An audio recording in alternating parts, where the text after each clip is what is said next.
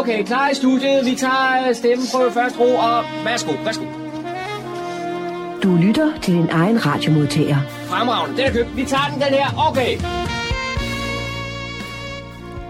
Det gør vi så, og så hermed byder vi velkommen til to timer i selskab med programmet, der hedder Morgenkrøren. Mit navn er Kurt Kammersgaard, og ja, livet skal gå videre, hvis den ellers kan. I disse svære tider, at man skulle opleve, der er krig i Europa. Det er, ja, det, vi, ja, ja, jeg er mundlom. Det er sådan noget andet noget.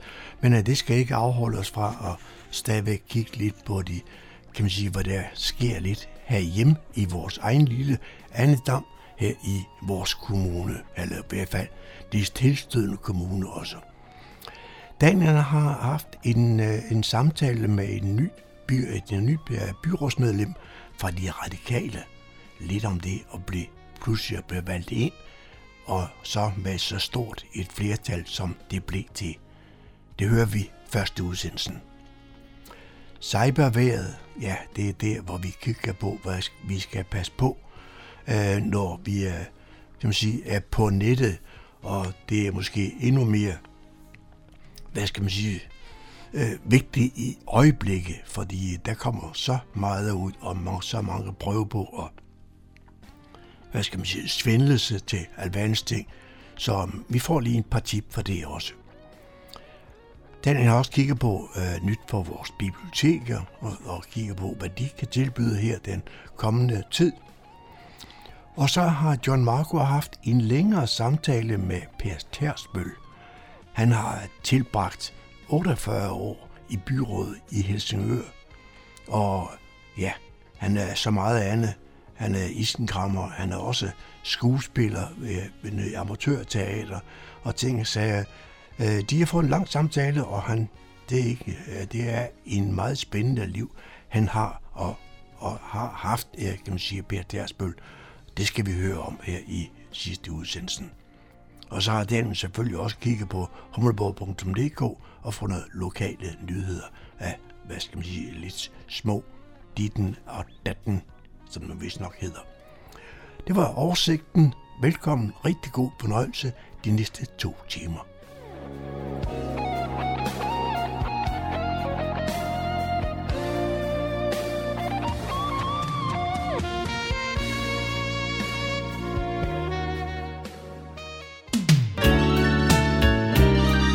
Lytter til Morgenkrydderen. I studiet er det Kurt Kammerskov. Næste indslag omhandler lokalpolitik i Fredensborg Kommune.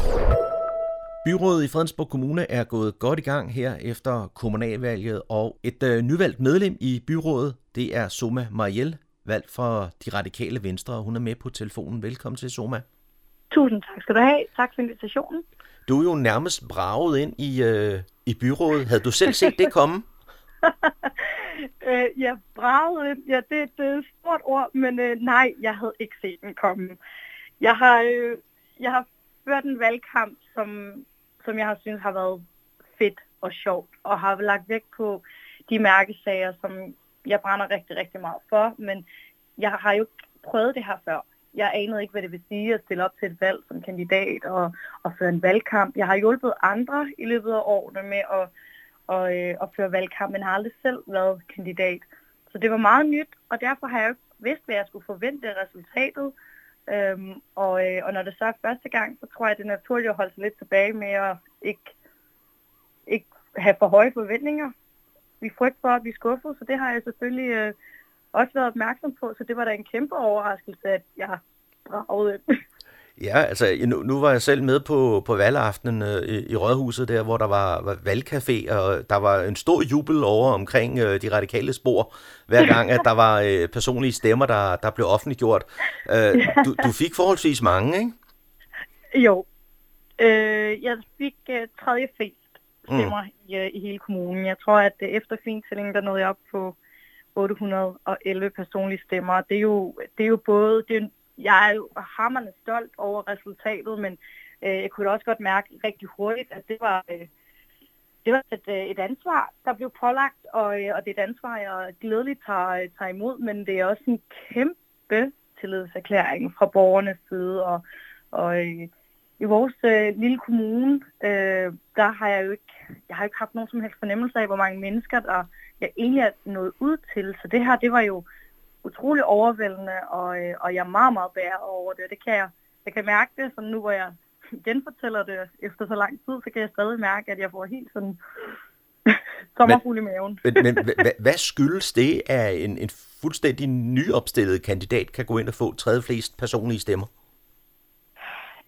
Jamen, jeg tror simpelthen, der har været, øh, der har været et, et behov for, udskiftning lyder bare negativt lavet, men der har været et behov for at få flere nye ind i vores byråd.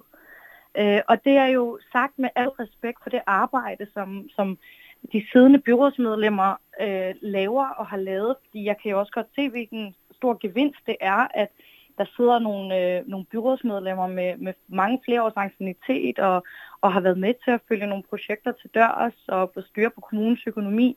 Øh, men jeg tror, at der imellem borgerne har været behov for at få noget større repræsentation, øh, få flere unge mennesker ind og få flere kvinder ind. Så jeg tror, at jeg har været øh, på mange måder øh, et, lidt af den friske pust, man har brug for. Mm. Der har været brug for lidt, lidt nogle friske stemmer, nogle nye stemmer. Der har jeg været hudløs og åben og ærlig omkring, at jeg vil rigtig gerne i byrådet, og det vil jeg på grund af min mærkesager, og det vil jeg også på noget mere overordnet, nemlig at jeg mener, at der er brug for større repræsentation. Så mm. unge mennesker i vores kommune kan se sig selv repræsenteret, og etniske minoriteter kan se sig selv repræsenteret, og kvinder kan se sig selv repræsenteret, og måske også altså, familierne, fordi jeg har jo også ført valgkamp på, på børn, og, og det er jo noget, jeg går rigtig, rigtig meget op i, og, og drømmer måske også selv om. Men har, at, har du har ført en anden form for valgkamp end øh, de øvrige? Jamen, det ved, jeg, det ved jeg egentlig ikke. Jeg synes jo, jeg både har brugt de mere traditionelle øh, veje og, og værktøjer og lavet debatindlæg og øh, skrevet læserbrev og så videre. Det synes jeg både har anvendt mig af de, af de klassiske medier som aviserne, men jeg har også været rigtig meget på sociale medier, og det mm. tror jeg faktisk måske har været øh, noget, som mange af de andre ikke har. Mm. Øhm, fordi jeg tror, at de sociale medier, dem skal vi ikke undervurdere, hvor, hvor meget det egentlig kan betyde for, for følelsen af nærvær og følelsen af, at, at man er i øjenhøjde med, med den person, man nu ser et billede af eller en video af. Så jeg har jo brugt sociale medier til at kommunikere og lavet nogle nogle små meningsmålinger nogle gange og skrevet øh, på min Instagram, hvor jeg, hvor jeg har lidt over 2.500 øh, følgere, så kan jeg nogle gange finde på at skrive et eller andet loka- om noget lokalt. Øh, hvad mener I om den her problemstilling? Eller hvad mener I om den her løsning på den her problemstilling? Mm. Og så har borgere blandt andet skrevet, hej, jeg har lige set det her, hvor er det spændende. Jeg mener det her. Øh, hvor der faktisk er nogle mennesker i kommunen, jeg har fået øh, i tale, som der er også en, der gerne vil mødes med mig og drikke en kaffe og gå en tur, men, hvor hun skrev, at det er ikke rigtig noget, jeg har lyst til at skrive offentligt. Jeg har bare lyst til at gå en tur med dig og fortælle om, hvordan jeg ser de, nogle af de udfordringer, vi har. Og alt det har jeg kunne tage med videre mm. i, i valgkampen og i mit arbejde nu, hvor jeg er gået i gang. Så jeg tror, sociale medier har måske været lidt anderledes i forhold til mange af de andre. Mm. Og nu er øh, du blevet valgt ind, og du har fået nogle forskellige tillidsposter, og øh, hvad er det for poster, du sidder med nu? Jamen, jeg har fået, øh, jeg har, jeg har fået fire øh, udvalgsposter øh, i de stående udvalg, og det er en plads i økonomiudvalget, og det er en plads i arbejdsmarkedet og erhvervsudvalget, så er det en plads i børns skoleudvalget, så er jeg blevet formand i fritid- og idrætsudvalget. Så der er rigeligt at, at, at tage fat i, øh, og udover det har jeg også øh, fået nogle øh, tillidsposter øh, i folkeoplysningsudvalget og nogle andre øh, steder, hvor der stadig er i gang med at blive arbejdet på et kommissorium og nogle forskellige udvalg, der ikke er stående udvalg, men som er nogle andre tillidsposter. Så man kan jo sige, at de radikale i Fredensborg, de fik jo sådan ret meget ud af, af de tre mandater, som øh, der, øh, der fortsat uh, er i byrådet. Ja, det må man sige. Mm. Og øh, jeg synes, at det er en rigtig, rigtig flot, øh, det, det er rigtig flot forhandlet, at vi har kunne få så mange pladser. Det er jeg glad for, og, øh, plejer også at prale lidt af, at, øh, at vi er lidt en radikal højborg, og så siger folk, nej, jeg er jo kun tre. ja, men der er ikke nogen steder i landet, hvor de er fire. Altså tre er jo maksimum, så jeg, så jeg praler lidt af, at øh, vi både har indflydelse, og, øh, og vi er tre, og, det, og vi er en rigtig god gruppe. Øh, Lars Simonsen og Bettina Bové og jeg, vi, jeg synes, vi, vi komplementerer hinanden godt. Mm. Øh, fordi vi, vi, vi er meget forskellige alle tre. Øh, så, så det gør jo også, at øh, vi repræsenterer bredt i forhold til mærkesager og interesseområder. Altså, vidt jeg husker, var I også ret tæt på at få det fjerde mandat. Det var vi nemlig, så ja. det satser vi på næste omgang. og nu nævnte du netop uh, Lars Simonsen, han har jo i, i mange år uh, tegnet uh, partiet, kan man sige. Har du nogle ambitioner om at uh, ligesom uh, overtage hans rolle på et tidspunkt? der, det er i hvert fald ikke første gang, jeg får spørgsmålet. Uh, men jeg synes, det er, det er for tidligt at, at, at, at sige omkring vores partis fremtid, fordi at lige nu er det vigtigste, at vi lige øh, kommer i gang med byrådsarbejdet. Det er kun to måneder siden, at øh, jeg blev valgt ind, øh, og jeg synes, at Lars og Bettina, de har gjort det rigtig godt i løbet af alle de her år, de har siddet der, og jeg lærer utrolig meget af dem. Øh, og det, jeg har kæmpe respekt for, det er, at de også lærer mig, øh, at respekten og, og, og det, at vi, vi på en eller anden måde giver hinanden plads til, okay, det her, det, det er et felt, som du ved rigtig meget om, jeg lytter. Og så og den anden vej rundt. Så jeg er rigtig, rigtig glad for den tremandsgruppe, og jeg håber, at øh, vi bliver flere i næste omgang. Jeg synes, det er for tidligt at sige om, øh, hvordan og hvorledes det kommer til at se ud. Men har du så haft mulighed for at sætte et øh, fingeraftryk på øh, noget af den politik, som du står for her i allerede inden for de første par måneder? Jamen jeg synes da, altså så sent som i dag har vi da skrevet mails omkring øh, nogle forskellige tanker, øh, vi har haft om, omkring, hvad der skal på dagsordenen, og vi, vi har en meget tydelig kommunikation med hinanden, så ja, det er jo et opkald eller en, øh, en mail væk. Vi er jo kun en, ja, en enkelt klik væk fra hinanden. Så ringer jeg op så siger, at det her, det kunne være fedt at få det sat i værk. Og så går det den anden vej. Men hvad med det her? Så, så der, det synes jeg faktisk, jeg har. Jeg har en følelse af, at, at øh, vi tager hinanden alvorligt, og, øh, og vi sætter præg på de områder i vores øh, både partipolitik, men også øh, byrådsarbejde, som hver især betyder noget. Så, øh, så det, det mener jeg faktisk, jeg har både fået, og, og man kan sige, det, at det blev forhandlet til, at jeg har fået en formandspost, en plads i økonomiudvalget og fire udvalgspladser i, i alt, det er også en kæmpe tillidserklæring. For, øh, for i virkeligheden øh, vidste man jo ikke rigtigt, om jeg kunne løfte opgaven eller ej. Så det har været en tillidserklæring, og det har jeg taget imod. Og med det så vil jeg sige tak til dig, Summe Mariel fra De Radikale Venstre i Fredensborg Kommune. Tusind tak for invitationen. Du har stillet ind på Radio Humleborg, Fredensborgs lokalradio. Cyberværet med IT-sikkerhedseksperten Leif Jensen. Velkommen til Cyberværet for uge 8. Den her uge, der kan du forvente skiftende cybervind fra forskellige retninger. Den helt store historie i medierne i disse dage, det er jo den geopolitiske konflikt i Ukraine. Og i ugen, der er gået, har der været rapporter om adskillige cyberangreb i Ukraine imod myndigheder og finansielle institutioner. Både traditionelle hacker og malwareangreb samt de såkaldte DDoS-angreb, som egentlig ikke er et hackerangreb, men et angreb, hvor 10.000 vis af computere eksempelvis henvender sig til den samme hjemmeside samtidig, og dermed overbelaster såvel internetforbindelse som server. I nogle tilfælde bliver der skudt ret bredt med cyberkrudtet, så selvom vi måske ikke er i kikkerten heroppe i Danmark, så kan vi sagtens risikere at blive et tilfældigt offer i denne storm af angreb. Så pas godt på derude. Jeg fortalte for nogle uger siden, at man hos Facebook var ret ked af, at Apple vil ændre på deres privatlivspolitik og dermed gøre det sværere for Facebook at indsamle data. Det blev anslået, at Facebook ville miste i størrelsesorden 60 milliarder kroner med dette tiltag. Og nu er den så gal igen. Google har annonceret, at de ligeledes ønsker at holde øh, adfærdsdata om deres brugere lidt tættere til kroppen, og det er bestemt heller ikke godt nyt for Facebook. Men det er rigtig godt nyt for alle os andre. Da vi i sin tid fik World Wide Web og senere sociale medier, så var vi alle så ivrige for at komme i gang med at bruge dem, at ingen af os rigtig tænkte på, hvor vores data havnede og hvad de blev brugt til. Vi har senere hen fået både GDPR og cookie-lovgivning, Og selvom det kan være mega irriterende at se disse cookie-advarsler og samtykkeerklæringer, hver gang vi besøger en hjemmeside, så er lovgivningen bag altså med til at sikre vores privatliv, og det bliver sværere for tech-virksomhederne at handle med vores data. Selvom det ikke direkte er cyberkriminalitet, så synes jeg alligevel, at vi skal viderebringe den her advarsel. For politiet har i den sidste uges tid fået anmeldelser fra borgere, som har oplevet først at blive ringet op af en, der udgiver sig fra at være banken, og siger, at der er nogle tvivlsomme transaktioner på borgerens dankort, og at de så lige sender en medarbejder ud for at hente kortet hos borgeren.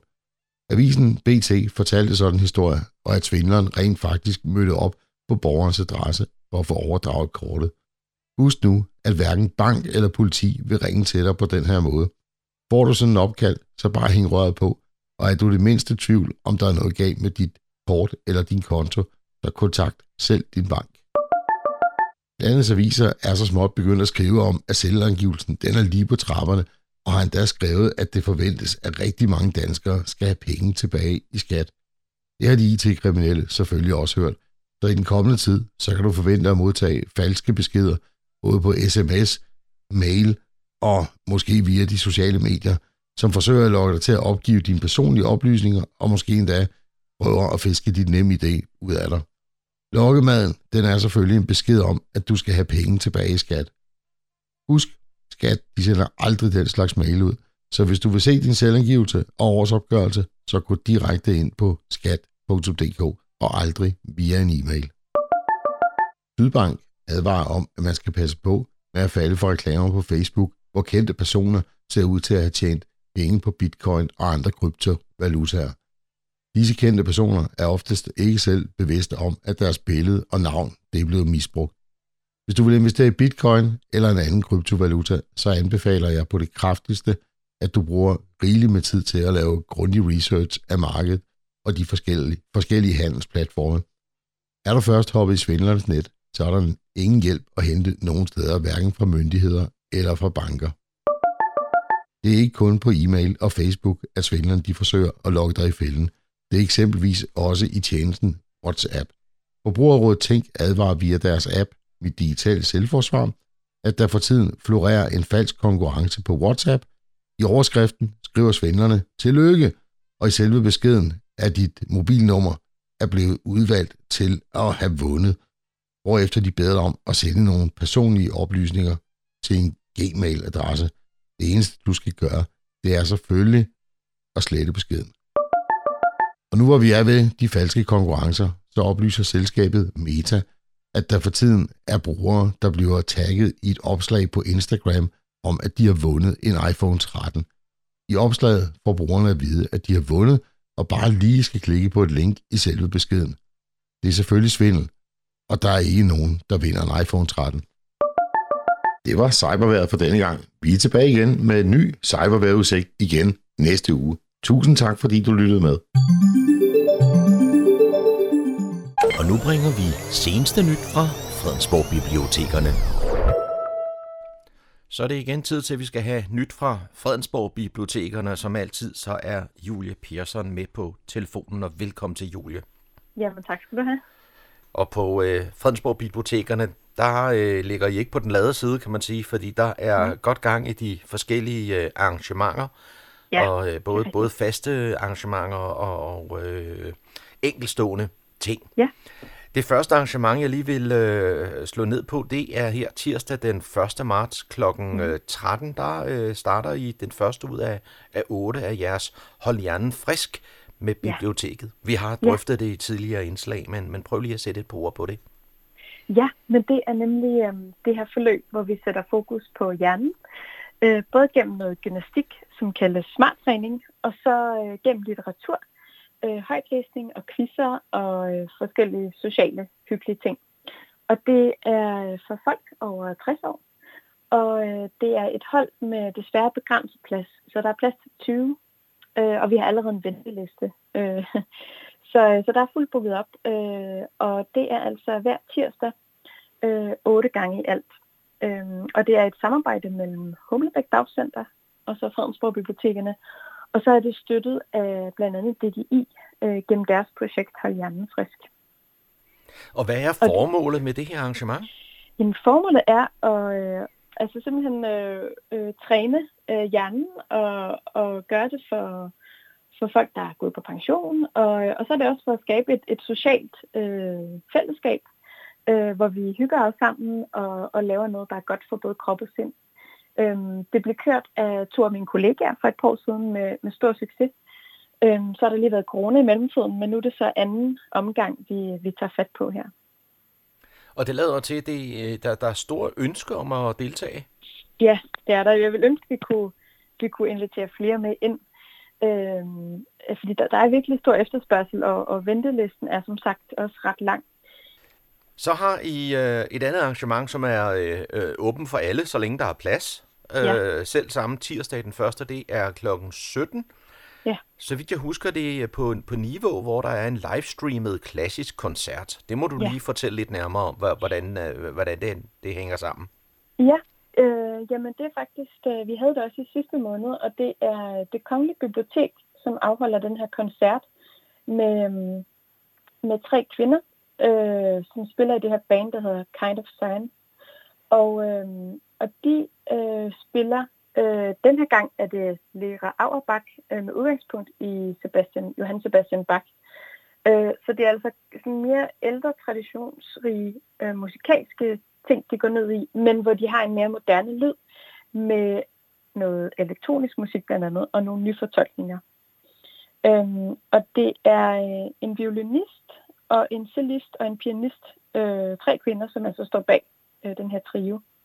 Øh, så det kommer i form af en øh, fyraftens koncert øh, fra klokken 17, øh, var cirka en time, og på Niveau Bibliotek. Så man kan lige tage forbi efter arbejde og lige få noget dejligt musik. Og så livestreamer vi jo det så på en stor skærm, øh, ligesom nogen måske kender fra vores Aarhus Universitet foredrag. Så det er lidt den her biograffornemmelse med, med en rigtig god lyd, vi prøver at få frem. Så arrangementet det er støttet af Augustinusfonden og Statens Kunstfond. Og når man så har været på, øh, på Niveau, så kan man jo tage over til Byens Hus i Kokkedal, fordi der fortsætter I med et øh, livestreamet arrangement. Ja, lige præcis. Og det er vores gode Aarhus Universitet øh, foredrag, øh, som vi livestreamer. Øhm, og øhm, det er øh, kl. 18.45 øh, til 21. Øhm, og det er, øh, handler den her gang om klimaforandringer. Og det er gratis, men det er vigtigt, at man tilmel- tilmelder sig og køber ligesom en, en gratis billet, fordi der er et begrænset antal. Øhm, og, øh, og det er klimaforandringer og, øh, og den globale opvarmning, det handler om. Så det handler om, hvilke konsekvenser der er, og hvordan vi måske kan afbøde dem delvis, og hvordan vi kan tilpasse os. Hmm. Og øh, det er øh, Jens Hesselbjerg Christensen, som øh, er hovedforfatter på flere af FN's klimarapporter. Øh, det er ham, der, der er aftens øh, oplægsholder. Det er store emner, det er store ord, der Ja. kommer til at blive, blive talt om der. Sikkert Ja. også noget, som øh, interesserer rigtig mange mennesker. Det tror jeg nemlig også, det er. Og, øhm, og i løbet af aftenen, så er det muligt at sms'e nogle spørgsmål til oplægsholderen, hvis man har det. Øh, så øh, ja, og, og det er en masse, øh, altså både kirker og kulturhus og biblioteker, der, der får lov til at livestream det her. Så der er en masse øh, mennesker i hele Danmark, der kigger med samtidig. Mhm. Så det kan jo også være meget hyggeligt at, Mhm. at vide. Og udover de her enkeltstående arrangementer, så er der også lidt øh, faste aktiviteter i øh, Ja. løbet af ugen. Øh, Ja. Jeg ved ikke, om du kan løbe hen over det. Jo, altså øhm, det er faktisk også en tirsdag, der er en meget aktiv dag på den front. Øhm, hver tirsdag kl. 10-12, så har vi fars legestue i Humlebæk. Og det er et gratis tilbud til øh, fædre, som er på barsel. Og øh, det er et samarbejde mellem Sundhedsplejen, øh, Fritidsbutik og Fredensborg Bibliotekerne. Og det er øh, altså, hvor vi stiller forskellige noget legetøj og, og puder og sådan noget, man kan tumle sig i. Det stiller vi til rådighed, og øh, så vil der også være noget kaffe på kanden. Øh, så det er også en hyggelig mulighed for at møde andre øh, fædre, som går hjemme og lige få sig en sludder. Øh, så som sagt hver tirsdag øh, 10-12 på Humlebæk Bibliotek. Og det kan der jo godt være brug for. At Ja, have sådan en præcis. pedang til, øh, til mødegruppe, for eksempel. Ja. Ikke? Lige præcis. Så er det Ja. bare legestuen. Det er, det, Ja. det er der, det sker. Ikke? Ja, det er det nemlig. Øh, på Niveau Ja. Bibliotek, der har jeg noget morgensang. Ja, og det er også hver tirsdag, det er klokken øh, halv 11 om formiddagen. Og det er, hvor vi synger dagen ind, og der er nogle sangværter, som øh, på skift leder og akkompagnerer øh, den, der er mødt frem øh, gennem højskolesangbogen og rock og pop og nogle salmeklassikere. Mm. Og alle er velkomne, og man behøver ikke øh, synge særlig smukt. Øh, man skal bare have lyst til at scrolle lidt med. Øhm, og hvis man har nogle øh, idéer til gode sange, eller øh, skal vide lidt mere, så er man velkommen til at skrive til min kollega Rune Nyholm Nør øh, Christiansen, som arbejder ved Niveau Bibliotek. Det er ham, der, der står bag det. Mm. Og, og hvem er det så, der akkompagnerer, og hvad bliver der spillet på? Jamen, det bliver, der bliver spillet på klaver, tror jeg primært det er. Og det er en, en gruppe frivillige, som, som er sangværter, mm. øh, som skiftes ad. Okay. Øh, ja. Der er også lidt for de IT-kyndige, eller øh, mangel på samme? Ja, præcis. Øh, det har vi både på Niveau og Humlebæk øh, Bibliotek. Ja. Øhm, på Niveau, der er det tirsdag kl. 14 til 15. Og Humlebæk, der er det også tirsdag, men kl. 14.30 til 16.30. Mm. Øh, og begge tilbud, det er jo øh, ja, netop til dem, som, som har brug for lidt hjælp til deres computer, eller iPad, mobiltelefon, NemID osv. Øhm, og det er alle mulige typer øh, forespørgsler, mm. man kan komme med. Og man kan få en kop kaffe, og så skal man ellers bare medbringe øh, det, der ligesom volder en problemer. Og så vil de her frivillige øh, hjælpe. Og det kan der jo virkelig godt være, være behov for, også hvordan man ligesom ja. skal agere i det der, den der IT-verden, ikke, som bare fylder jo. så meget i vores hverdag i dag. Ja, det er Og så også de faldgrupper, der er, fordi dem ja. er der jo også mange af. Præcis, så det, det er et rigtig vigtigt område. Mm. Øhm, og, øhm, og der er faktisk også brug for, for frivillige kræfter, i hvert fald i Humlebæk Bibliotek. Mm. Øhm, så hvis man har gode IT-kendskaber og, og selv er senior eller er vant til at arbejde med den målgruppe, så er man meget velkommen til at kontakte ham, der Peter Lydolf. Mm. Øhm, og jeg har lige fået lov at give hans nummer videre her i radioen. Øh, mm. Så ham kan man kontakte på 40 60 01 14, øh, hvis man er nysgerrig på at, at være frivillig. Og så er der om øh, onsdagen lektiecafé. Ja, og ja. det foregår på Niveau Bibliotek mm. Øh, kl. 14 til 17. Det er det lige efter skoletid for mange? Ja, præcis. Ja. Og det er nemlig 0. Øh, til 10. klasse, der kan komme forbi ja. øh, med spørgsmål øh, inden for alle mulige fag. Ja. Øh, både matematik, dansk, øh, sprogfag og, og naturteknik. Øhm, og der vil så også sidde en gruppe gode frivillige klar til at hjælpe alt det, de kan. Mm. Øhm, og der vil også være lidt forfriskninger i form af noget vand og frugt, mens man er der. Øh, så ja, hvis man har brug for lige øh, at komme lidt videre med noget, der volder problemer, så skal man endelig bare møde op øh, i det, tids, det tidsrum om onsdagen. Og så for de øh, lidt mere, øh, hvad kan man sige, håndarbejdskyndige, så øh, kan man også mødes? Ja, det kan man nemlig. Øh, om torsdagen kl. 18.30 mm. til 21, der er der simpelthen en håndarbejdscafé på Fredensborg Bibliotek. Og det er både dem med strikketøj eller andre former for håndarbejde, øh, som, øh, som kan møde op. Øh, eller også hvis man bare er nysgerrig på det og vil lære lidt. Øh, så møder man op, øh, og, øh, og det er gratis. Og øh, det er også et godt sted at få nogle gode idéer og tips. Og vi har jo en masse spændende bøger med strikkeopskrifter og alt muligt. Så, øh, så man kan også gå på opdagelse i vores bogsamling, hvis man har lyst til det. Og det er jo altså ved nogle af de her arrangementer, hvor man jo også kan, kan møde øh, ligesindede øh, inden for de her ja. interesseområder, og, og på den måde også blive integreret. Øh, ja, præcis. På. Det er nogle super gode tilbud til, til, hvis man vil møde flere, netop som du siger, med samme interesse, og mm. dem, der bor i samme by eller samme kommune som en selv. Så det er nogle meget hyggelige fællesskaber, ved jeg. Ja, med, med de ord, der vil jeg sige tak til dig, øh, Julie Persson fra Fredensborg Bibliotekerne, om at, at, at, at fortælle om de her arrangementer, der er i den kommende tid. Ja, velbekomme. Du lytter til morgenkrydderen. Om lidt skal vi høre en uh, spændende og en længere indslag, med, som John Marco har lavet med uh, forhåndværende borgmester i Helsingør Kommune, Per Tersbøl lidt om hans, kan man sige, mange år, 48 af slagsen, som han har tilbragt i byrådet. Du lytter til morgenkrydderen. Jeg er taget til Esbjerg for at få en snak med Per Tersbøl. Men inden vi går videre, Per, så vil jeg egentlig godt vide, hvem du er. Ja, øh, det kan tage lang tid at, at fortælle, øh, hvem jeg er eller hvem jeg ikke er.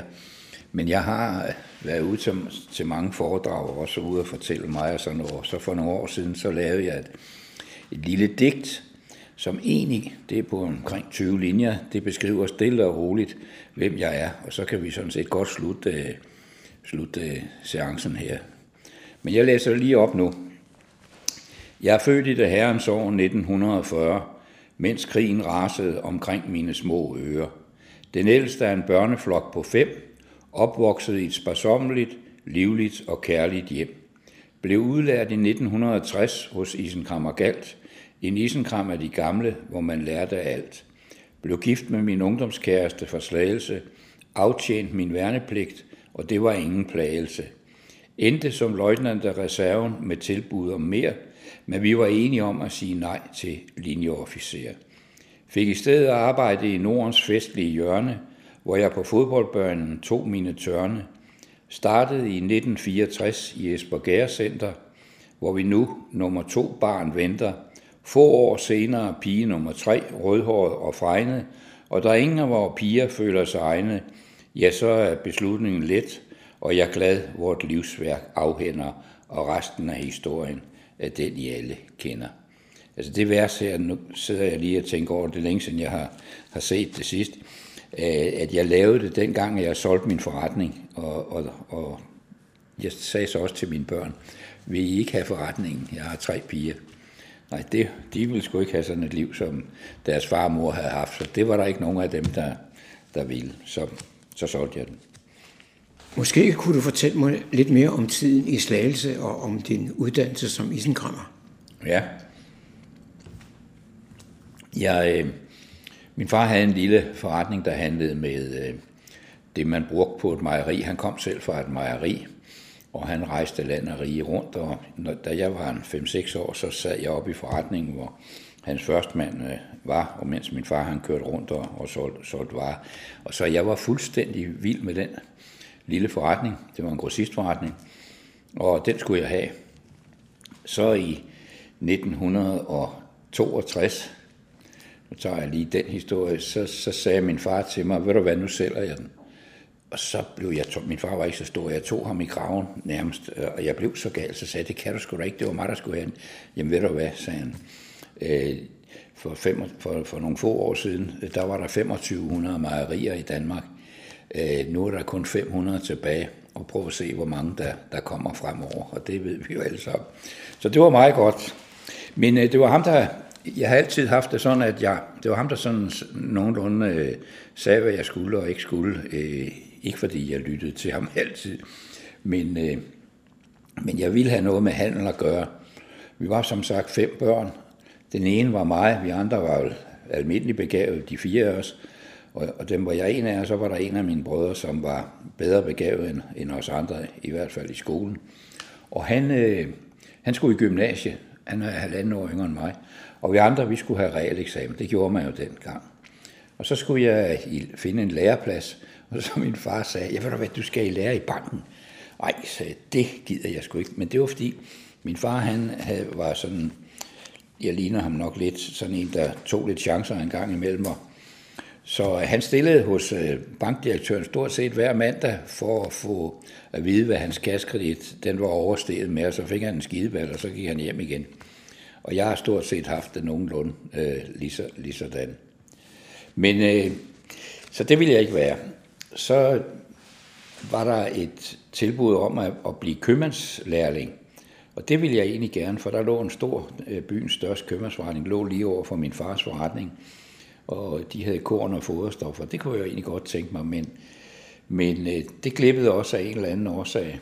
Og, og så, det var nok fordi, der havde de fået nogen lærling. Så var der isenkrammerne, det ville jeg også gerne være. Og det var jo så hos øh, Isenkrammer Galt i, i Slagelse, hvor jeg, og det var sådan en af de der gamle forretninger, ligesom min egen, der havde det hele. Glas, porcelæn, gaver, kongelige porcelænsvaser og alt det der. Og så havde de også værktøj, søm og skruer og sådan noget. Og dengang, der solgte vi jo altså en skrue ad gangen. Det gjorde jeg også nede i min forretning. Når jeg kommer ind i, i de der jern og fix, eller hvad de nu hedder, og så ser, køber, skal købe en skrue, så skal man købe fire i sådan en pose til 26 kroner. Så er jeg lige ved at, at gå igen, ikke? fordi vi solgte jo dem for 25 øre gang øh, for sådan en skrue eller noget i den retning. Nå, men der kom jeg i lære. Og øh, der var jeg så lige til jeg øh, skulle være soldat. Jeg kom op og, og skændes med min, med min lærermester, og så og jeg var rødhåret dengang, og jeg var lidt hissig. Det var han også. Øh, og så sagde jeg til ham, jamen når jeg, når jeg kommer hjem fra soldat, så køber jeg Knud Johansen. Det var en isenkampfrand, der lå lige overfor. Og så udkonkurrerede jeg dem, og så smed han mig ud. Så blev jeg ikke rigtig udlært. Jeg fandt først ud af bagefter, at han godt kunne lide mig og var glad for mig, og så da hans kone overtog forretningen efter han var død, så fik jeg så mit, øh, mit, øh, mit lærebrev. Men øh, det glemmer jeg sgu aldrig der. Han, han gav mig nærmest en ørefin. Øh, det gjorde man jo dengang, men, men jeg tog ham så i hånden, ikke? og så, så, så var vi ikke så gode venner lige der. Men det var vi altså alligevel. Vi var, han var dygtig, han var meget, han var meget dygtig. Og så skulle jeg jo finde et job, og jeg var jo, hvad skal vi sige, jeg var forlovet med min, øh, havde fundet min ungdomskæreste. Vi var forlovet, for vi var, hun var vel 16-17 år, og jeg har så været 18, 18 år eller noget i den retning. Og øh, jeg var så, efter jeg var udlært, så kom jeg ind som soldat, og så boede min kone i, i Slagelse, og hun ville gerne være sygeplejerske. Men inden da, så blev hun altså frugtsomlig, som, hun blev frugtsomlig, som det hedder, eller hed dengang. Så hun boede i Slagelse hos sine forældre, mens jeg arbejdede, og der arbejdede jeg så i Helsingør, fordi det eneste sted at få et job som isenkrammer på Sjælland, jeg kunne godt få i Jylland, og med hele min familie var jyde, men øh, det var lidt langt væk, når min kone hun boede, boede i Slagelse, og hun boede hos sine forældre. Så der var et job, og det var i Helsingør, og så kom jeg til Helsingør. Det, øh, det er så tilfældigt sådan noget. Så kunne det være, at du skulle fortælle os lidt om din tid som isenkrammer i Esbjerg Ja, men altså, jeg var jo i en isenkramforretning i, i, øh, i Helsingør K, som havde isenkrammer nærmest, øh, han havde kakkeloven først, og så fik han lidt glas og porcelæn, da jeg kom til. Og så havde han en sportsforretning også. Der var jeg øh, fra 1963 af, og så til øh, 1964. Men mens jeg var der, så spillede jeg jo fodbold øh, i Slagelse, og det vil sige, at jeg tog hjem hver weekend for at hilse på min kone. Jeg så hende næsten aldrig, fordi at øh, jeg spillede på Slagelse divisionshold, og vi rejste land og rige rundt, så, så jeg, øh, jeg nåede lige at hilse på hende, inden jeg så igen skulle tage til Helsingør for, for at passe mit, mit arbejde. Så fik jeg lov at træne i Helsingør øh, med Helsingørs øh, første hold.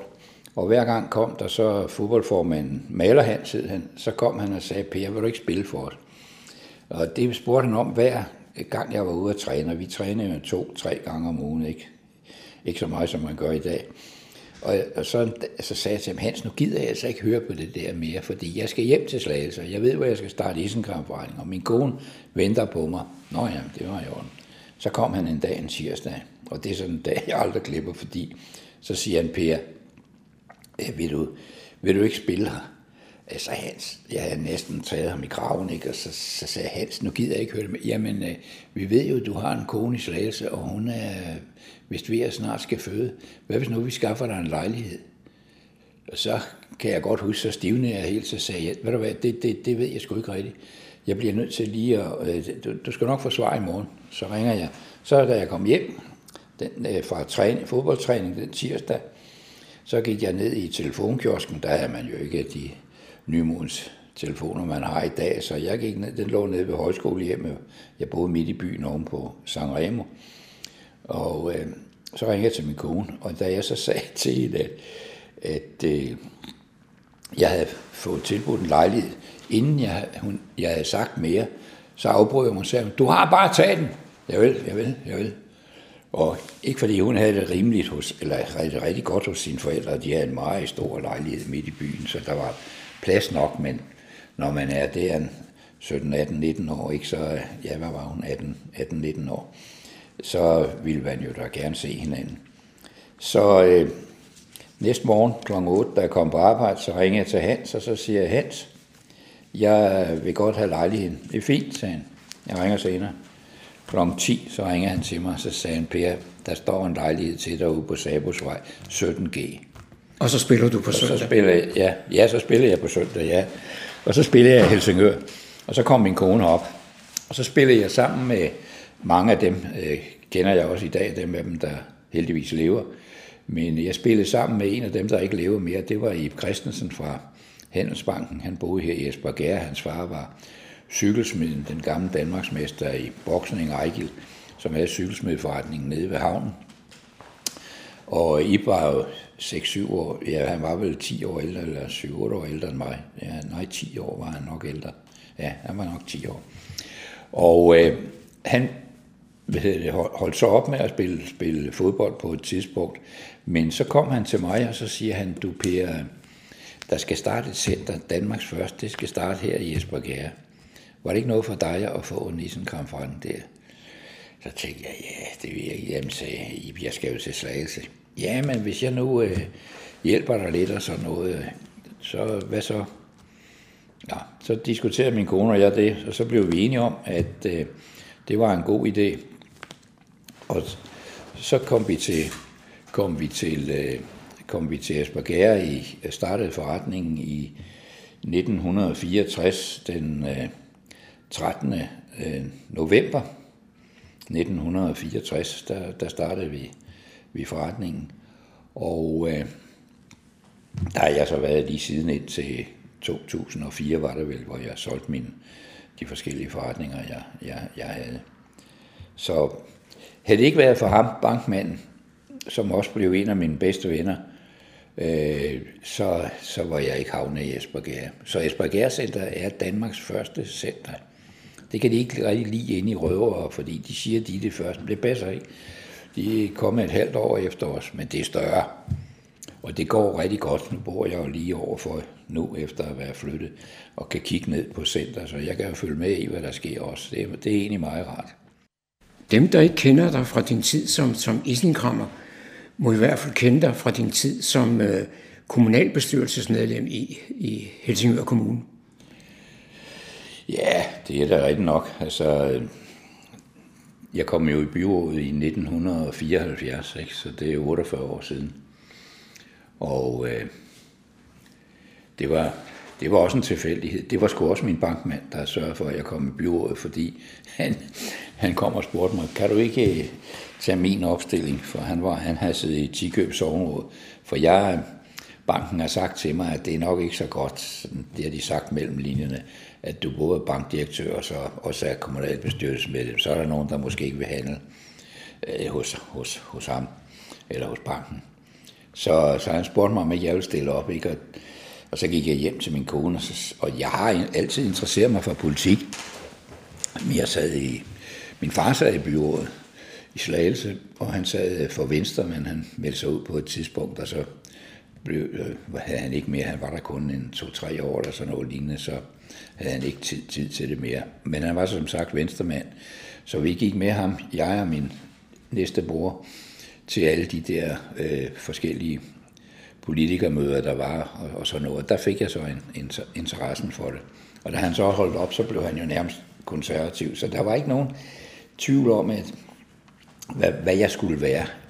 Øh, om, øh, det, det skulle have været konservativ. Og så kom Ib øh, og sagde det til mig, Vil du ikke, kunne du ikke tænke dig? Jo, det kan jeg godt, men jeg må hellere lige spørge Jette, min kone.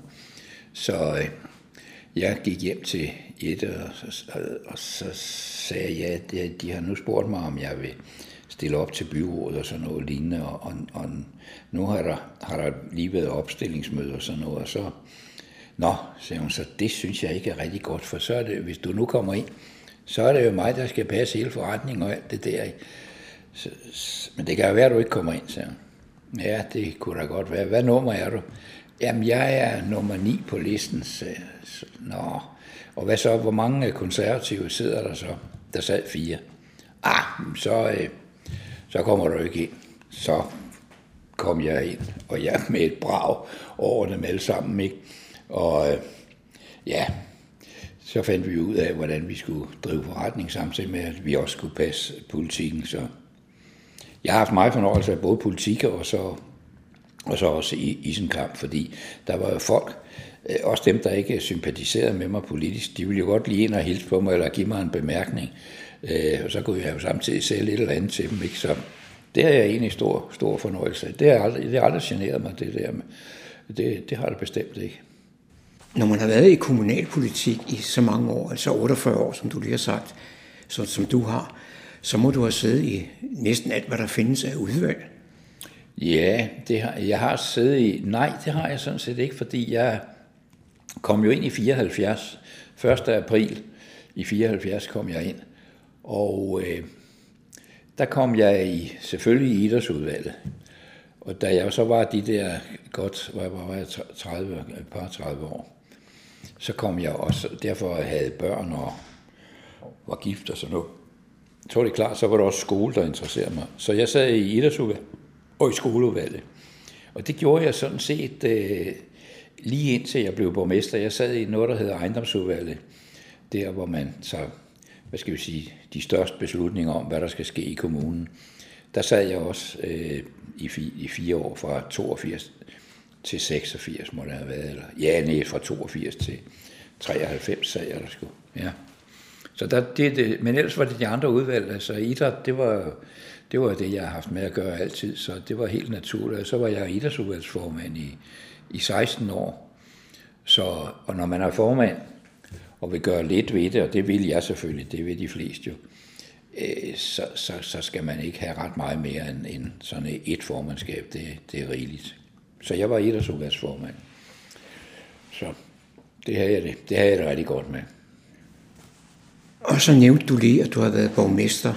Hvor længe var du egentlig borgmester? Jeg var borgmester i, i, øh, i 16 år.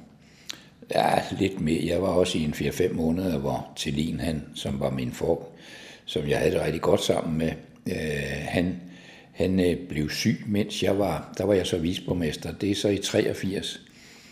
Han sagde, at han blev syg, men jeg har ham sådan lidt mistænkt, og det er der også andre af hans familie, der har sagt til mig, at det, han havde det ikke rigtig godt med, at værftet skulle lukke, og det var lige da værftet lukkede. Så han meldte sig syg i en fire måneder, så hvis du kommer ind på Arbejdermuseet, så er der en film omkring Helsingør Skibsværs flugtning, som i Markvart hed han vist havde lavet.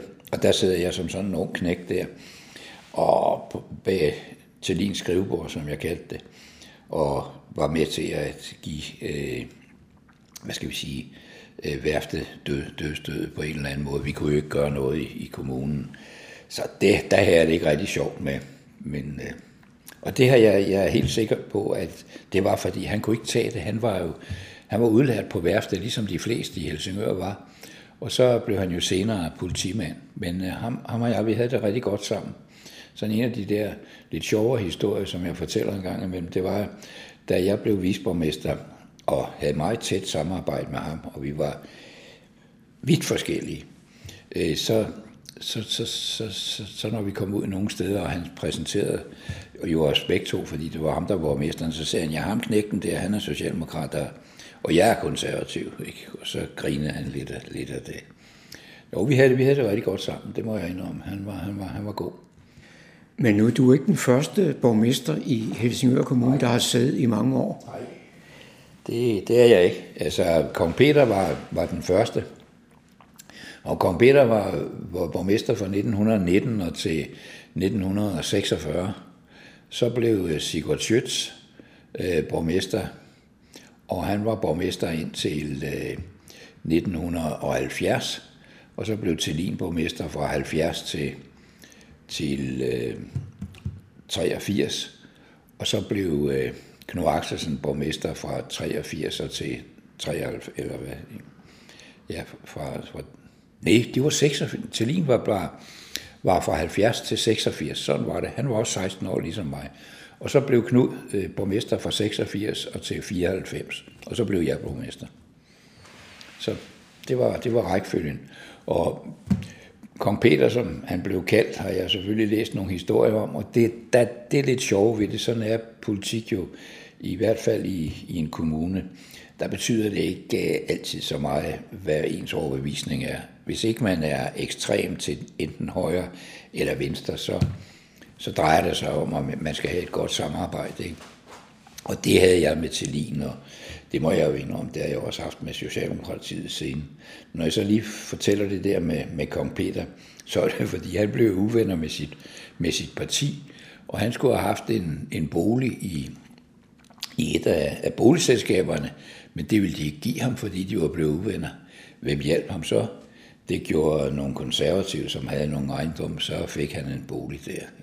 Og det må man sige, det, det har altid været sådan, bortset lige fra en enkelt afbrydelse, at øh, konservativ og venstre har, har øh, stort set været enige om de, hvad skal vi sige, de vigtige og imponerende, altså ikke, de vigtige og de, de vigtige beslutninger, dem har, det har de to partier stort set altid været enige om. Så har der selvfølgelig været det knas op til valgene. Men, øh, og sådan er det også i dag, det må jeg indrømme.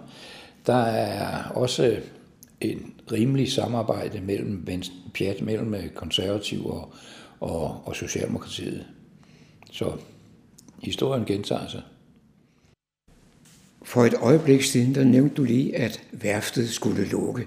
Ja. Men efter det var lukket, der havde du jo fingeren nede i et, ja. et større projekt. Ja, jeg havde... Altså, jeg skal, jeg skal lige fortælle en lille, lidt morsom historie omkring værftet, så kan du afbryde mig og så øh, spore mig ind igen på det, du vil have spurgt eller det, du spurgte om. Altså, da jeg kom i den der forretning i Helsingør, som ung knæk, jeg var jo 23, 23 år, øh, en af de første kunder, der kom ind, det var to sådan grænvoksne drenge på godt 30 år eller sådan noget lignende, så kom de ind i forretningen, og så siger de, ja goddag, vi vil gerne se på en kakkelovn. Min chef han sad inde på kontoret og fulgte med i den her nye komi, hvad, om han klarede problemerne og alt det der. Og så sagde jeg, at vi skal se, vi har en hæs kakkelovn herovre. Det er en af de bedste, der overhovedet findes i landet. Hvad koster den? sagde de så. Ja, den koster øh, 998. Hvad sagde du? Jeg sagde, den, den koster 998. Er du klar over, hvor vi kommer fra? Nej, det, det var jeg jo så ikke. Vi kommer ned fra værftet. Og øh, hvis ikke vi får 10 procent, så går vi ned på værftet og siger, at der er ikke nogen, der skal købe kakkeloven her hos K. Så min mester, der, han havde hørt det der, han kom farne ud i lokalet. Selvfølgelig får I 10 procent. Altså, det vidner jo lidt om, hvad, hvad værftet betød den, den gang. Jeg glemmer, jeg glemmer aldrig den der episode. Det gør jeg sgu ikke. Men som sagt lukker værftet, og så er du med i et større projekt. Du er måske endda tovholder. Ja, det bliver jeg på, på, på, på, på en eller anden led, så bliver jeg det. Men altså, nu lukkede jeg værft, var med til at lukke værftet der i 83. Øh, og det var ikke den sjoveste beslutning, som jeg fortalte om før. Bestemt ikke. Og der var jeg så visborgmester, og øh, så blev jeg så selv borgmester i, i, i 10, 10 år efter. Og i de, også imens, at øh, Knud Axelsen var borgmester, som sagt, i de otte år, han var, der... Øh, der prøvede vi på at finde ud af, hvad, hvad, skal, hvad skal værftet bruges til. Der var selvfølgelig reparationsværfter dernede, og der var også nogle andre virksomheder, men der var meget af det, der lå, lå øde, øde hen. Og vi prøvede både det ene og det andet. Jo, en af de sådan lidt sjovere episoder, det var, at øh, vi på et tidspunkt, og det er så nok, da jeg blev borgmester i, i, i øh, hvad hedder det, 94, der arbejdede vi stadigvæk på at finde ud af, hvad der skulle være nede på værftet. Og så var der en, en øh, så lå der Handels- og Søfartsmuseet ude på Kronborg. Og øh, direktøren for Handels- og Søfartsmuseet, eller lederen, han, øh, han ville meget gerne øh, ned på værftet og ind i de bygninger. Og der kan jeg så huske, øh, at Flemming Jensen, kommunaldirektøren, som jo var, var blandet ind i det her, og som var alle tider, så jeg kunne ikke have gjort noget uden hans, hans hjælp. Han sagde til ham, direktøren for Handels- og Søfartsmuseet, altså det er fint, at du gerne vil ned på, på værftet, men øh, lad nu være med at gå ud og spørge øh, nogen, øh, nogen, om der er nogen, der vil donere for eksempel AP Møller og den slags. For vi har ikke nogen plan helt klar endnu. Hvad gjorde han? Han gik ind til AP Møller og spurgte, om ikke det var en idé, at AP Møller sponsorerede. Og så lavede øh, Handels- og Søfartsmuseet der Ja, og nu kender jeg så hele, hele historien. Det gjorde han så, og så inviterede han jo så Mærsk Møller, herr Møller, op og se øh, værftet og se Handels- og Søfartsmuseet og alt det der, som han fortalte om. Og så har jeg så fået historien fortalt af ham, der var Mærsk Møllers øh, sekretær, en af mine gamle venner, som, som øh, jeg stadigvæk ser en gang om året. Øh, Knud Bontoppe, den hedder han. Så ham ringede jeg så til, og, eller også ringede han til mig og sagde, nu har der altså været ham derinde og spørge om et, et eller andet.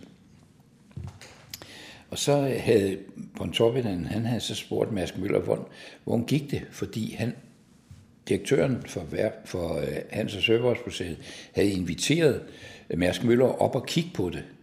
Og Mærsk Møller, han tog det op med privatchauffør og alt det der, og gik rundt. Da han kom hjem, så siger Knud til ham, hvordan, hvor hvordan gik det? Der var støvet, sagde han. Det var hans måde at sige på, at det var sgu ikke sagen. Nå, så var der mange idéer om, hvad der, hvad der skulle være dernede, og øh, vi var, øh, ja, vi, vi, vi, havde, vi havde rigtig mange idéer. Jeg for eksempel havde en, en idé om, at vi kunne lave boliger dernede, så kunne vi også lave et butikscenter, fordi det diskuterede man meget for øjeblikket dengang. Øh, det sagde jeg til et, et eller andet borgermøde, hvor der sad et par hundrede værtsarbejdere og selvfølgelig også journalister og andre. Men øh, det faldt jo ikke rigtig, rigtig god jord, fordi, at, fordi vi tog jo så ind, da, vi, da det, det var kommet frem, så siger embedsværket, at jamen, det er måske nok, nok en meget god idé, og lad os, skal vi ikke øh, prøve at snakke med Kulturministeriet, øh, hvad, hvad de mener. Og så gik kommunaldirektøren Flemming Jensen i gang sammen med Hassager, hed han ham, der var chef for, for teknisk afdeling. De gik så i gang med at aftale med embedsmærket inde omkring Kulturministeriet, hvad man skulle gøre. Og en dag så kommer de til mig og så siger, nu har vi, nu har vi aftalt, at, at at der kan godt være lidt boliger og den slags dernede, og vi kan nok lave noget forskellige ting og sådan noget lignende. Men vi skal jo lige have det konfirmeret. Så nogle sager, politiske sager, starter som regel altid med, at der kommer nogle idéer, så bliver embedsværket sat i gang, og så bliver de konfirmeret af politikerne bagefter. Nå, men i hvert fald, øh, så var alt det der sat i gang, og så, så øh, blev vi enige om, at nu så det ud som om, at det, det kørte. Så aftalte vi et møde med, med ministeriet, og det var så Lone Dybkær, der var, var kulturminister dengang. Vi havde fået nej af Per Stig Møller, som også var kulturminister. Vi havde også fået nej af Svend Augen. Men nu havde vi fået ja af departementet derinde, og de havde åbenbart også snakket lidt med hende. Så kom vi ind i Kulturministeriet. Det var en morgenstund kl. 9 eller sådan noget lignende. Flem Jensen, Hassager, Knud Axelsen. Knud Axelsen var borgmester dengang. Det er før jeg bliver borgmester. Så øh, sidder vi fire derinde. Så øh, kom departementchefen frem, og der havde været nogle embedsmænd, folk også sige goddag til, eller goddag og sådan noget lignende, og vi sad og ventede, der skete sgu ikke rigtig noget. Så kom departementchefen, og han blev ved med at sidde og kigge på uret. Og der gik et kvarter, der gik 20 minutter, der gik en halv time. Så gik døren op med et brag. Så kom Lone dybkær ind af, af døren. Og så sagde hun, undskyld, jeg kommer for sent. Men øh, jeg stod og børste tænder her til morgen. Og så stod jeg og tænkte på, at det der med at lave sådan noget nede på værftet, det duer ikke. Det skal jo sådan være chateau og med får nede på, på voldene dernede og sådan noget. Så jeg kan ikke gå ind for det der. Så kiggede vi på hinanden, så sagde jeg noget Axelsen, skal vi ikke køre hjem? Jo, så kørte vi hjem. Så det, der var aftalt dengang, det blev det ikke. Og det var jo så egentlig en meget god idé, men først havde jo Svend Augen og så Per Stig Møller sagt nej til det der, og, og nu kom så Lone Drybkær. Og hun har så lige fået en mindeplade ned for, at hun sagde det. Den var jeg med til at indvige for nylig. Jamen så øh, gik vi hjem og var lidt skuffede, sådan, og så arbejdede øh, embedsværket, de arbejdede så videre, og der kom en masse idéer frem, og så på et tidspunkt kommer de og præsenterer en idé for mig om, at, at øh, man kunne lave biblioteket, som skulle flytte øh, ned derfra, hvor det lå nede ved by, byskolen. Øh, det, det, kunne, det kunne flytte derned, og så nogle andre ting. Og så synes jeg, det, var en, det synes jeg var en rigtig god idé, og jeg, vi øh, havde jo møder stort set hver dag omkring det. Kommunaldirektøren, som var altidens type, som sagt, han øh, kørte hver aften, og klokken var fem eller sådan noget, seks stykker, så kørte han ind til Realdania og, og, og andre derinde for at skaffe penge til, til for, foretagene. Så han har en stor, øh, hvad skal vi sige, det, det er en stor del af, af skylden for, at værftet er kommet, det er, at kulturværftet, det er bestemt også hans. Nå, men øh, vi, de knoklede så videre på, på det at, at skulle skaffe, skaffe penge, og vi fik jo så penge til, at, at vi kunne få øh, 200 og cirka 250 millioner fra Realdania til, til noget af det, der er lavet, lavet dernede, og nogle andre folk. Men det, det var så hoved, hoved, hovedfonden. Men politisk havde jeg ikke fortalt rigtig noget om det endnu. Der var ikke så mange, der vidste noget øh, om det her. Øh, heller ikke min egen gruppe vidste ret meget om det. Min gruppeformand, Sten Thomsen, som var altiders kammerat og smadredygtig, han, øh, han vidste det selvfølgelig. Ham havde jeg fortalt det, men jeg havde sådan set ikke fortalt så meget til de andre 10, der var i gruppen. Og øh, så, så diskuterede kommunaldirektøren og jeg, hvad, hvad skal vi nu gøre? Vi skal jo også have, vi skal jo også have for, det, for, for ro, så skal vi skulle have Socialdemokratiet med. Og så den, øh, det år der, det har så været, nu kan jeg ikke huske året, men øh, så plejede vi, når der var jul, og så holde, holde en julefrokost, og så tog vi gerne et eller andet sted hen og spiste øh, økonomiudvalget, som det hedder.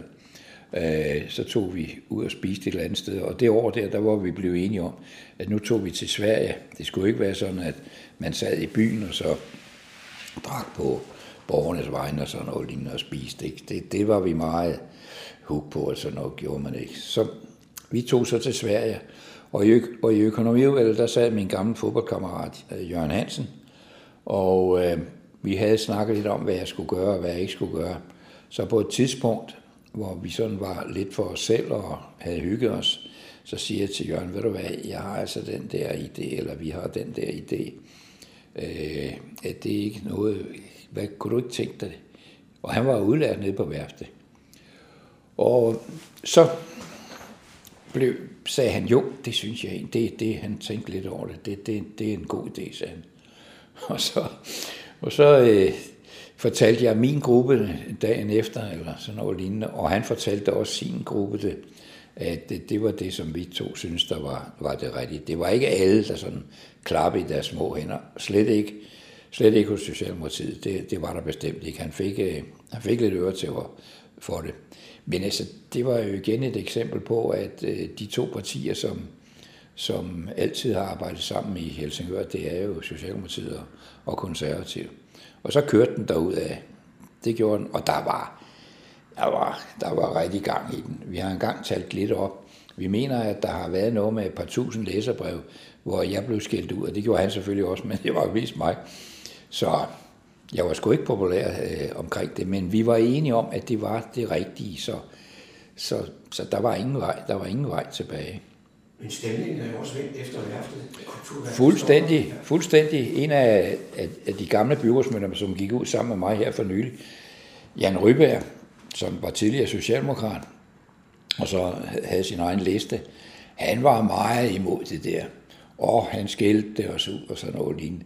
Det sjove er det er, og det har jeg sagt til ham, så det er ikke noget, jeg sidder ikke og fortæller en historie, han ikke ved. så sagde jeg til ham, det er sgu meget skægt, at øh, du har nu skældt mig så meget ud. Du er en af dem, der kommer mest dernede. Ja, sagde han så, det, det er heller ikke så ringe. Og, det, og sådan var det. Altså folk blev efterhånden vendet til, at, at det var det, øh, det, det skulle være. Ikke? Og ja, det tog jo mange år. Det tog jo, det blev indvidet i 10. Lige da jeg gik af som borgmester, der blev det indviet. Så øh, det, det, det tog vel, ja, det tog altså fra 83, fra 83 og så til 10, ikke? det er 27 år, inden man vidste, hvad man, hvad man skulle bruge det, bruge det til. Ikke? Og det, så, men det hele delt da godt. Altså lige her til sidst omkring det med kulturværftet, og jeg snakkede om øh, de her 2.000 læserbrev og, og alt den polemik, der var, og folk, der var imod, og så senere blev jeg så glad for det. Der kan jeg så huske en af de lidt sjovere historier, men den var ikke sjov dengang. det var mens alt det her det stod, stod på. Jeg havde det sådan med min kone, som var i forretningen, at jeg tog ind på rådhuset om morgenen klokken halv otte, det er mens jeg er borgmester, og så lavede jeg kaffe til personalet til mig selv, og så kørte jeg hjem med lidt øh, ud på aftenen, og tit havde jeg så møder til klokken 10 om aftenen eller noget i den retning. Og så når jeg kom hjem, og så var jeg i forretningen fredag og lørdag, og jeg skulle selvfølgelig også hjælpe min kone, og jeg ordnede også regnskab. Nå, men så, så kom jeg hjem en aften, og den glemmer jeg aldrig nogensinde den aften, fordi så havde min kone jo et par stykker mad til mig, og klokken den var 9-10 stykker, det var mørkt. I hvert fald, så sad vi ude i køkkenet. Øh, så ringer telefonen. Og jeg tager jo så telefonen og siger, goddag, det er Per. Ja, det er Jan Olsen. Jeg sidder nede på Café Valdemar. Nå, sagde jeg så. Jamen, jeg vil bare sige til dig, der sidder altså to mænd hernede, som vil slå dig ihjel. Tak skal du have. Tak skal du have, sagde jeg så. Så lagde jeg røret, og så sagde jeg til min kone, så kunne hun godt se, at jeg så lidt mærkelig ud. Så, så siger hun, øh, hvad, hvad, hvad sagde han? Jamen, øh, det var to mænd der, der, der sad inde på Café Velmar, og, og de har selvfølgelig nok været det halvfuldt. Og den idiot der til borgmester, ham skulle de lige have fat i. Så slukkede vi lyset, min kone og jeg, så sad vi der en halv time til en time, stille og roligt uden at foretage os noget som helst, men der kom ingen. Altså, og det er jo bare to, der har siddet og diskuteret, ja, den idiot har lavet det der, ikke? Og sådan var det jo. Noget af det, jeg husker, Per, det er jo øh, den 4. maj, altså øh, aftenen for Danmarks befrielse. Ja.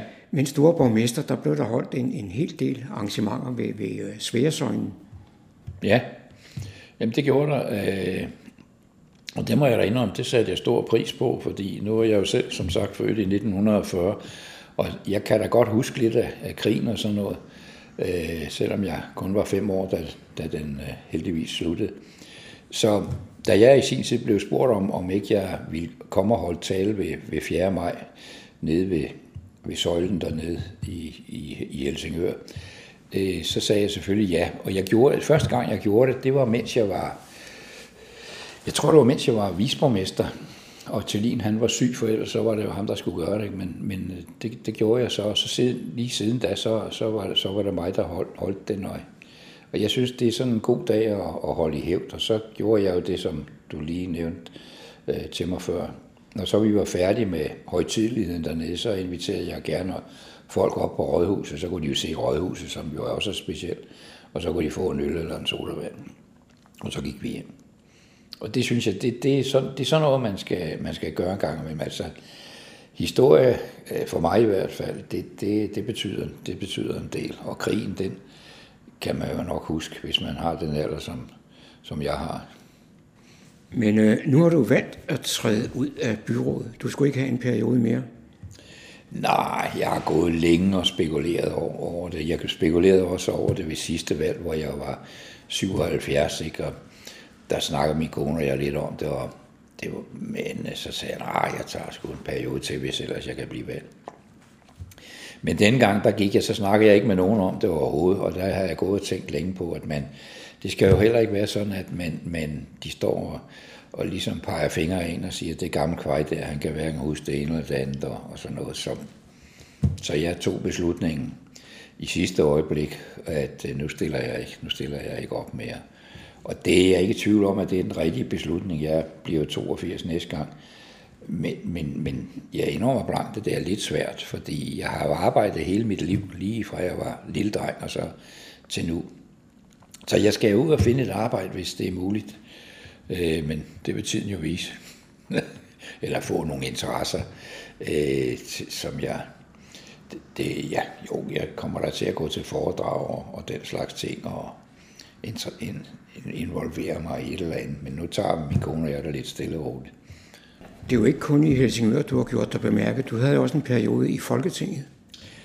Ja, det havde jeg. Jeg, jeg øh, blev spurgt i, i øh, 1900 og det må jo være 1989 eller sådan noget lignende. Jeg var ikke borgmester, jeg var, jeg var øh, anden visborgmester. Det var mens Knud Axelsen var borgmester. Øh, der blev jeg så spurgt, om ikke jeg ville stille op til Folketinget. Og øh, det, det har jeg ikke tænkt så meget over før, at man spurgte mig, fordi at det, det lokale, det var det, der interesserede mig mest. Men man kunne ikke rigtig finde nogen, så, så øh, man spurgte mig. Og så mit valgprogram, det var, at jeg havde stort set ikke noget valg, valgprogram. Ja, det, det eneste, der interesserede mig, det var sgu Helsingør Kommune. kommune. Så jeg stillede op, og så røg jeg jo ind med, med et brag, ikke? Og, og det, det tog jeg så fire år derinde, og jeg sagde også øh, til sidst derinde, at øh, hvis, hvis jeg bliver valgt som borgmester her i, i 93, så øh, går jeg ud af Folketinget. Man kan ikke være borgmester, altså folketingsmedlem. Det kan du ikke, det kan du ikke klare. Det, det er fuldstændig umuligt rent arbejdsmæssigt. Så da jeg blev valgt i 93, så sagde jeg, at jeg går ved næste valg, og det næste valg, det kom jo så i 94. Og øh, der, så jeg var borgmester og folketingsmedlem i, i en 4-5 måneder, og så, så gik jeg ud. Nu er det jo sådan, Per, du kan ikke snige dig ind på folk, for det, du kommer altid trampende i træsko. Hvorfor det? Ja, det hænger nok lidt sammen med, at jeg var soldat i, i nogle år, det er to og et halvt år, og øh, der lærte jeg jo så at gå i støvler, øh, og ikke sko, som jeg jo gik i, mens jeg var i lære. Og øh, da jeg så startede forretning i, i Esbjerg Center, der var, det var betongulv, og det var ikke rigtig godt at gå på med sko og sådan noget. Så kan jeg huske, at jeg, min kone og jeg blev så enige om, at så kører vi et par træsko til dig, og så kan du, jo, kan du jo prøve dem. Og øh, det gik rigtig godt, og det har så været der i 1964. Øh, og så er jeg gået i træsko lige siden. Fordi jeg, altså nu kan jeg ikke rigtig gå i sko. Det, det, det kan jeg ikke. Altså, det, selvfølgelig kan jeg, hvis jeg skal. Men jeg har ingen sko, så det giver sig selv. Så det er ikke for at være interessant, det er simpelthen øh, bare, fordi, at øh, det er, det er velvære at, at gå i, gå i, i træsko. Så skal man passe på, at øh, de er lidt pusset ind imellem og sådan noget, det, men det er så noget andet. Men... Når du skulle til møder i Helsingør Kommune, ja, for, for mange andre steder i Nordsjælland, så foregår det altid, ved du kommer cyklende. Ja, men det er jo fordi, at, at så får jeg rørt mig lidt, øh, og jeg kan godt lide det der med at være ude. ude det har jeg altid godt kunne lide. Så, og det der med at køre bil, det har aldrig nogensinde interesseret mig. Jeg har godt nok kørekort, det er ikke fordi, det er taget fra mig, men jeg, jeg har kørekort, men jeg kører i flere år siden, jeg har kørt sidst. Min kone, hun kører i vores bil, så hun kører for os, hvis vi skal et eller andet, men jeg, det, det duer ikke. Jeg var ellers sådan en af dem, der startede tidligt, for min far, han kørte jo øh, land og rige rundt, og som også i udlandet indimellem for at sælge noget. Og han havde så en Mercedes, det glemmer jeg aldrig. Så som 13-årig, der fik jeg lov at prøve den, mens han sad ved siden af. Men øh, det var ikke mig. Så nej, biler, det har ikke interesseret mig. For lidt siden, der sagde du, du skulle se, om du kunne få, finde dig et job, så du kunne få tiden til at gå. Ja. Men du har da en, øh, en fritidsinteresse i Esbjerg-revyen. Nå ja, ja, men altså, det er godt nok en, der tager meget tid, når det foregår. Men øh, ja, der har jeg været med i, det er vel snart 40 år, er det ikke? Det er et sted mellem 35 og 40 år, at jeg har været med i, Jesper Esbjerg Og, og grunden til, at jeg er med, det er ikke fordi, jeg er den største skuespiller. Der er nogle af dem, der er 10 gange bedre end mig, eller det er de fleste. Men jeg synes, det er hyggeligt, og det er rart, at der er sådan et godt kammeratskab. Og øh, så er jeg som ikke noget mod, jeg bliver til grin en gang imellem. Det, det, det har jeg ikke. Og det sjove er, at øh, Esbjerg den er jo vokset og vokset, sådan så at i år, vi spiller op på, vi har spillet forskellige steder, vi spillede på i øh, Tivorp-skolen, og så spillede vi også en gang imellem nede i Esbjerg Nu har vi spillet fast i de senere år, op på gymnasiet, der er rigtig gode lokaler. Og øh, i år, vi havde fire forestillinger, og der har været cirka 300 til hver. Og det er skægt, altså, så, så det kan, byen kan godt lide, at, at, at der er sådan et eller andet samling om, om, om, om tingene. Så det er også en af grundene til, at, at jeg er med. Så vi hygger os, men det er lidt hårdt. Altså det, hvis jeg lige skal fortælle, hvordan det foregår. Vi spiller altid i efterårsferien, og øh, vi får vores, og det er jo så der i oktober måned, vi får vores sange og tekster og sådan noget. De, de fleste af dem, dem får vi udleveret øh, omkring øh, i sidste august måned eller sådan noget lignende. Så mødes vi, så mødes vi hver, må, øh, hver søndag i en 6-7 gange op til, til øh, 14 dage før øh, revyen. Og så gennemgår vi sangene og synger dem og retter på dem, og der kommer nogle nye og sådan noget lignende. Og så 14 dage før, så mødes vi hver evig eneste dag, hver, hver hverdag og søndag og lørdag, der mødes vi så klokken 7 til klokken 11-12 stykker om aftenen, og så øver vi. Og det er, det er, lidt, det er lidt hårdt, det må jeg indrømme, men, men det er sjovt. Det var John Marco, der havde produceret dette indslag. Så er det igen gået hen og blevet tid til lokale nyheder og kulturinformationer fra humleborg.dk. Bag mikrofonen er det Daniel Jørgensen. Det har regnet meget i februar måned, og det kan mærkes i de lokale åer og vandløb. Vandstanden i Øresund er desuden stigende. Fredensborg Kommune følger situationen tæt. I Niveau Havn er vandstanden steget til 90 cm, og kommunen forsikrer, at der er styr på det og følger udviklingen.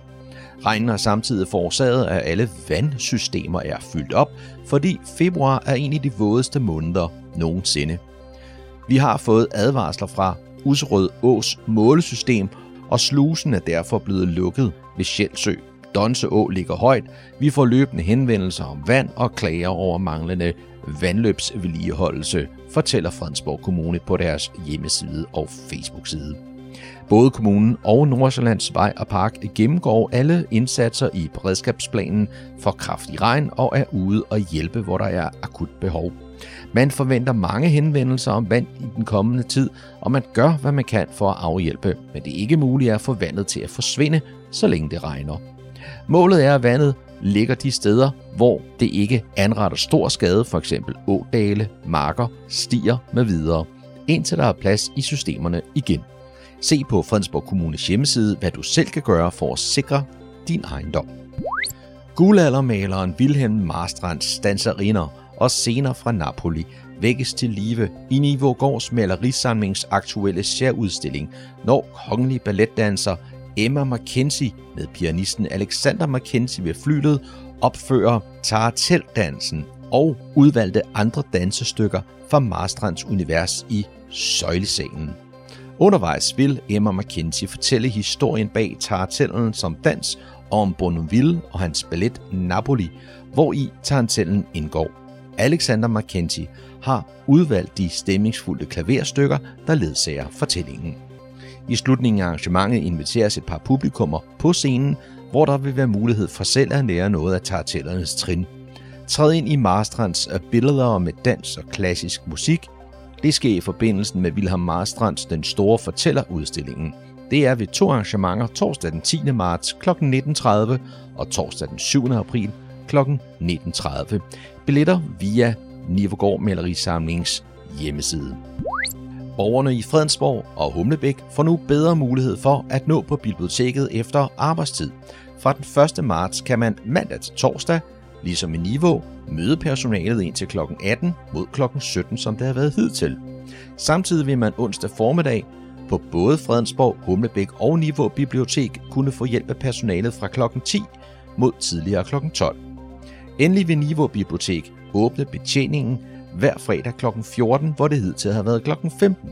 Den udvidede formiddagsåbningstid om onsdagen er ikke mindst møntet på børneinstitutioner, forældre på barselsårlov og andre med børn, som har mulighed for at komme på biblioteket om formiddagen. Der vil derfor hver onsdag formiddag være en børnekulturformidler på vagt, som kan hjælpe med ikke bare det at finde de rigtige børnebøger, men også tilbyde en snak om børnelæsning. Men alle andre er selvfølgelig også velkommen til at få hjælp af personalet og udnytte den udvidede betjeningstid. Og det var, hvad vi havde af lokale nyheder og kulturinformationer. Du kan læse flere på humleborg.dk. Bag mikrofonen var det Daniel Jørgensen.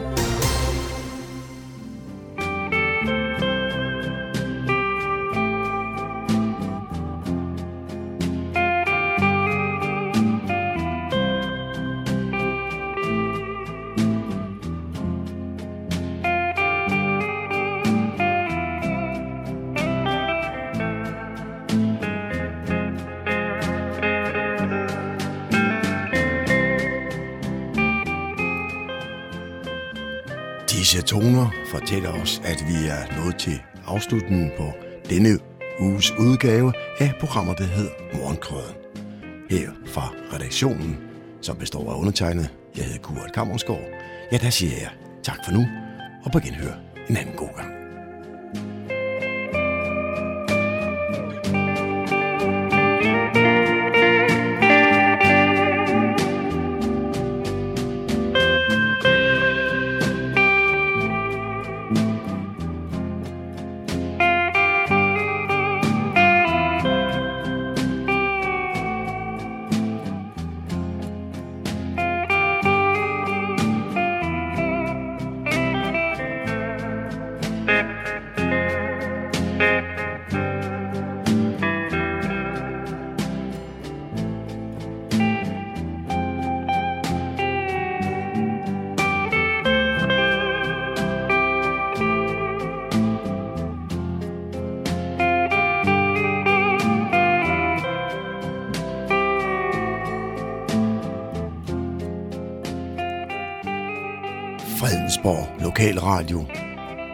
Radio Nordsjællands mest voksne lokalradio.